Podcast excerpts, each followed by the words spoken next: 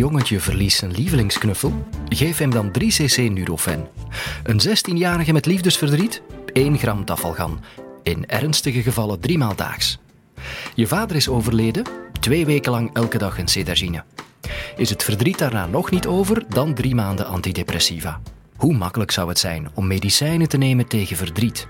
Maar kan dat? Bestaat er een medicijn tegen verdriet? Het antwoord komt van rouwexpert Manu Kersen van de KU Leuven. Dit is de Universiteit van Vlaanderen.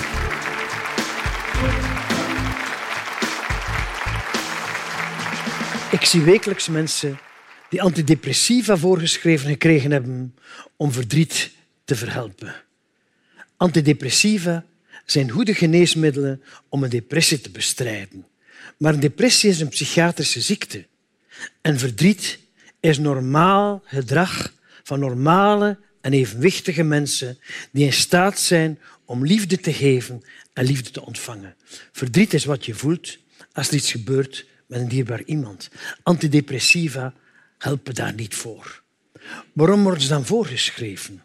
Omdat onze samenleving en ook artsen het heel moeilijk hebben om om te gaan met verdriet van mensen en daar heel weinig over weten. En meer weten zou heel veel mensen in belangrijke mate kunnen helpen. Een concreet voorbeeld.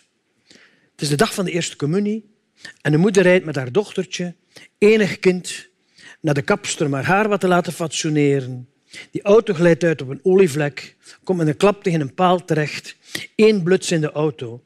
De moeder is ongedeerd, maar haar dochtertje is op slag dood. Voor beide ouders stort de wereld in. Ze zijn allebei vier weken thuisgebleven van hun werk. En op een maandagmorgen na vier weken gaan ze allebei terug aan het werk. Die man werkt in een keihard metaalfabriek waar er geen ruimte is voor emoties. De moeder werkt in de keuken van een ziekenhuis, bekend in ons land om zijn palliatieve zorg. Die man komt die maandagmorgen terug op zijn werk en aan de poort van het fabriek staat iemand hem op te wachten die zegt we moesten u naar het bureau van de directeur brengen voor het werk terug hervat. Man dacht, bureau van de directeur, zal er voor mij niet goed uitzien. Hij komt binnen bij zijn directeur, zegt, zet u even. Hij geeft hem een tas koffie en zegt, de eerste dag komen werken naar wat jullie hebben meegemaakt, dat moet moeilijk zijn. Vertel eens. En laat die man rustig zijn verhaal vertellen. En op het einde zegt hij, weet je, als je straks te moe voelt en het tempo van het werk nog niet aankunt, onderbreek even en zet je wat te rusten. En vraag aan je collega's dat ze ook even het werk neerleggen, dat je van iemand wat aanspraak hebt. En voor deze middag heb ik een kamer gereserveerd naast de cafetaria. Vraag iemand uw eten mee te brengen uit de cafetaria en kies een paar mensen waarmee je goed kunt praten om samen het middagmaal te gebruiken. Als wij u zien onderbreken, uh, moet je niet denken dat wij zullen zeggen, moeten die kerels niet werken. Iedereen op uw afdeling weet dat jij naast het werk hier nu een andere arbeid hebt, namelijk rouwarbeid. Dat twee combineren de eerste weken een bijzonder moeilijke opdracht kan zijn. Neem daar de tijd voor die je nodig hebt. Ik heb vorige week een aantal passages voorgelezen voor iedereen van uw afdeling uit een boek over helpen bij verlies en verdriet. En iedereen weet dat dat hier moet kunnen. De vrouw kwam ook de eerste dag terug op haar werk, in de keuken van het ziekenhuis. En de chef-kok stond daar ook vriendelijk op te wachten. En hij zei, och, je daar terug. En u gaat het ermee. Al een beetje over, zeker. Het is ook al een hele tijd geleden. Ik heb me heel veel vuil gemaakt en heel veel laten liggen. Hoe harder u moet werken, hoe sneller u zult vergeten en te boven komen. Die man is geleidelijk aan terug zijn job ingegroeid.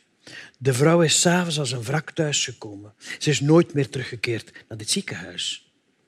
Hoe komt het dat de directeur van dat metaalfabriek zo zinvol kon reageren? De huisarts was bij die mensen op bezoek geweest de dag na het ongeval en had een boek mee, Helpen bij verlies en verdriet. Die moeder zei, dat boek heeft ons van de ondergang gered. En toen die huisarts hoorde in welke zitting beide ouders werkten, heeft de directeur van de metaalfabriek opgebeld en zegt, lees dat boek en doe daar iets mee naar je werknemers. Want anders zal die man zich nooit meer kunnen thuisvoelen in dat bedrijf. Maar die huisarts vond het niet nodig om een ziekenhuis op te bellen met zoveel geneeskundige specialisten die veel beter zouden weten dan een huisarts hoe ze moesten mee omgaan. Maar de chef-kok van de keuken wist het niet. Meer weten zou ons allemaal kunnen helpen.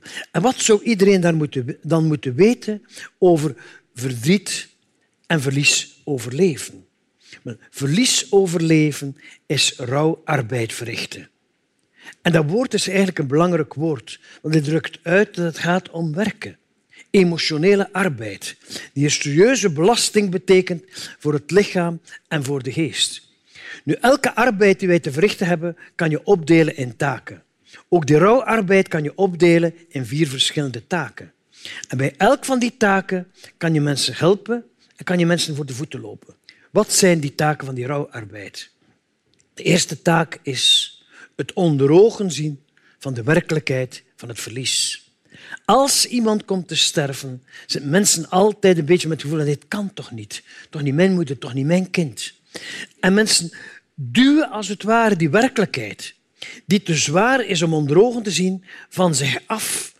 En mensen menen als het ware die overledene nog te zien en te horen. Een vrouw zei, kwam het ouderlijk huis binnen.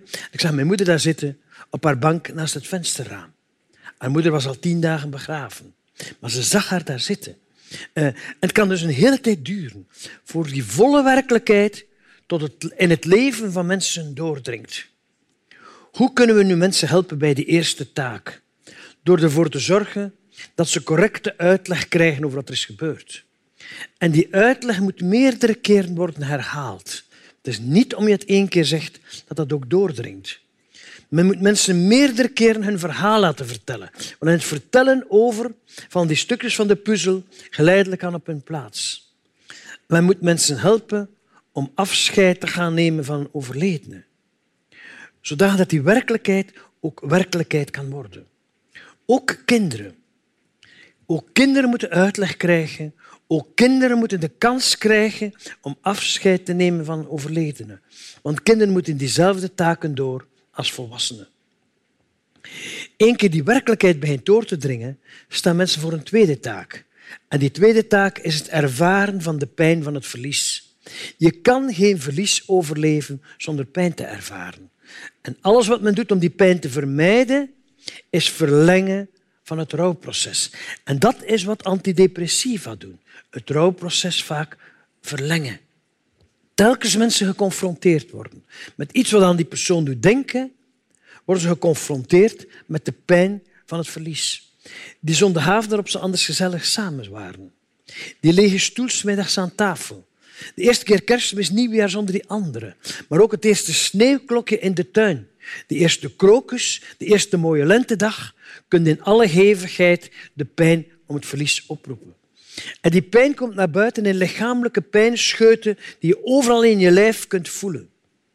In golven van verdriet die komen en die gaan als de golven van de zee. In extreme vermoeidheid. Je bent rouwarbeid aan het verrichten. Je kan doodmoe zijn en niet vooruit kunnen. Die pijn komt naar buiten in gebrekkige concentratie. Je gaat de trap op naar boven en je weet niet meer waarvoor je de trap op aan het eh, gaan bent. Je kan niets onthouden.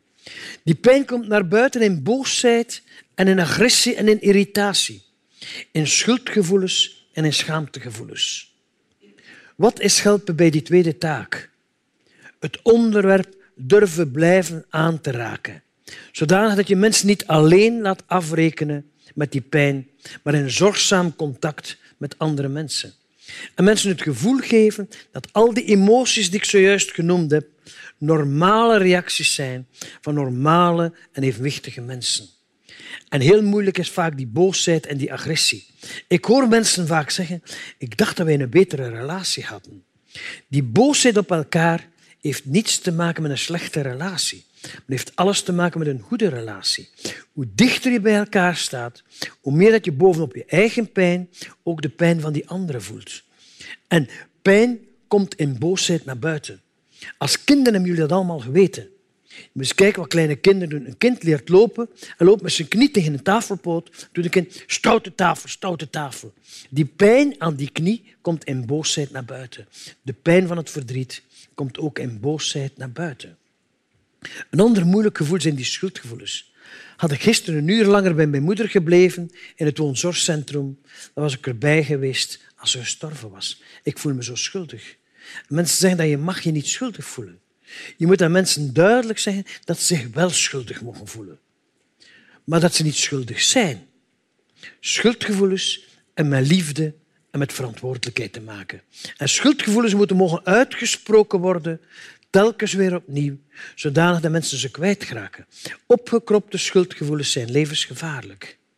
Enkele jaren geleden heeft een jongetje van zes in de Ardennen een huis in brand gestoken en in die brand zijn twee kinderen verkoold achtergebleven. Toen de politie dat kind aansprak, was de eerste zin die dat kind zei, en ik heb een jaar geleden papa ook al doodgedaan. De papa van dat kind was een jaar tevoren aan kanker gestorven. En het kind voelde zich schuldig. De schuldgevoelens hebben hier van binnen zitten koken en kolken. Ze ontploft in het in brand steken van een huis waar twee kinderen het leven hebben verloren. Men had die twee sterfgevallen kunnen voorkomen. En dan kom ik bij die derde taak. En die derde taak is je aanpassen aan de wereld zonder die persoon. Telkens je wordt geconfronteerd met iets wat die persoon deed, sta je voor de opdracht je aan te passen aan de wereld zonder die persoon. En dat is nooit voor twee mensen precies hetzelfde. Als drie kinderen hun moeder begraven, ook al is het dezelfde vrouw die wordt begraven, dat is niet dezelfde moeder voor die drie kinderen. Elk heeft daar zijn of haar moeder van gemaakt. Hoe kan je helpen dan bij die derde taak als dat, en weten wat je kan doen als dat telkens anders is? Wel, helpen bij die derde taak is luisteren naar het verhaal van mensen. En in het verhalen over help je mensen opnieuw op verhaal komen in het leven. En dan komt men aan die vierde taak. En die vierde taak is opnieuw leren genieten van het leven en herinneringen levendig bewaren.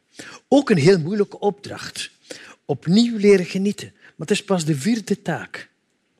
En herinneringen levendig bewaren.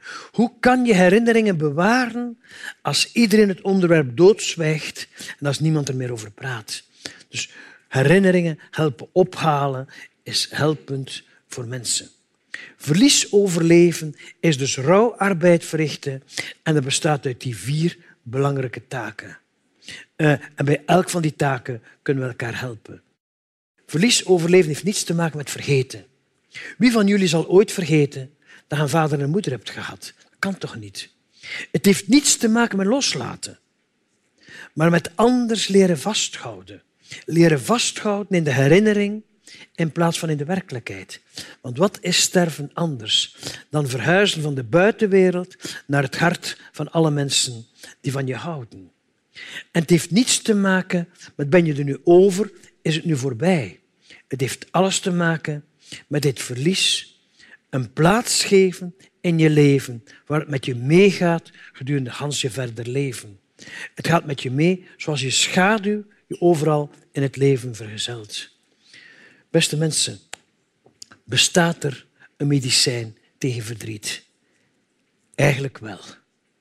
Het beste medicijn is luisteren naar het verdriet van mensen. En daarmee kunnen we mensen helpen om verdriet te overleven. Wil je nog meer horen over verdriet, rouw of depressie? Wij hebben ook een college over hoe constructief piekeren is van Ernst Koster, over waarom mensen zelfmoord plegen van Gwendolyn Portsky en over wat het beste helpt tegen depressie van Koen de Mietenaren.